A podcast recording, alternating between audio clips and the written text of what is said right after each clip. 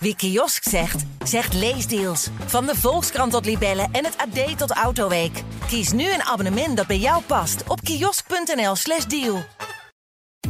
Welkom bij de Intermediair Weekupdate.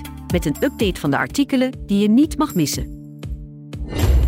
Ongeveer 10% van de MKB-werkgevers maakt hun werknemers mede-eigenaar van het bedrijf. Een trend die al langer zichtbaar is bij grotere consultancy- en advocatenkantoren.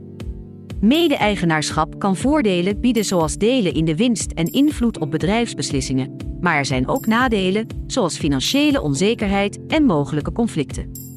Het is belangrijk dat werknemers de voorwaarden van het aandelenplan begrijpen, juridisch en financieel advies zoeken en nadenken over hun persoonlijke doelen en risicotolerantie. Michael van Leijen en Irene de Bruin die beide boeken hebben geschreven over ambitie, stellen dat ambitie meer is dan carrière-doelen bereiken. Het kan ook betrekking hebben op persoonlijke groei en voldoening.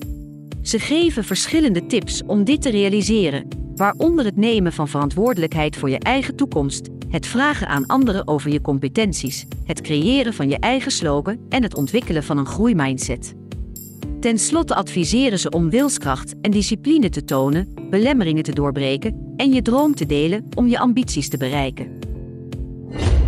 Zakenvrouw van het jaar 2017, Elske Doets, en eigenaar van Talenthuis, Ruurtje van Mierlo, benadrukken het belang van het uitspreken van je ambities, vooral voor vrouwen. Ze stellen dat het bekendmaken van je ambities je kansen op professionele groei kan vergroten, omdat je eerder in beeld komt bij verschuivingen binnen bedrijven.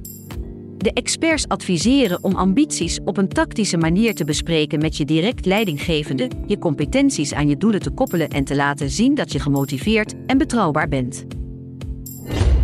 Er komt een punt in je carrière waarop de volgende logische stap een leidinggevende functie lijkt. Maar wat als je dat helemaal niet wil of vindt dat je daar niet geschikt voor bent?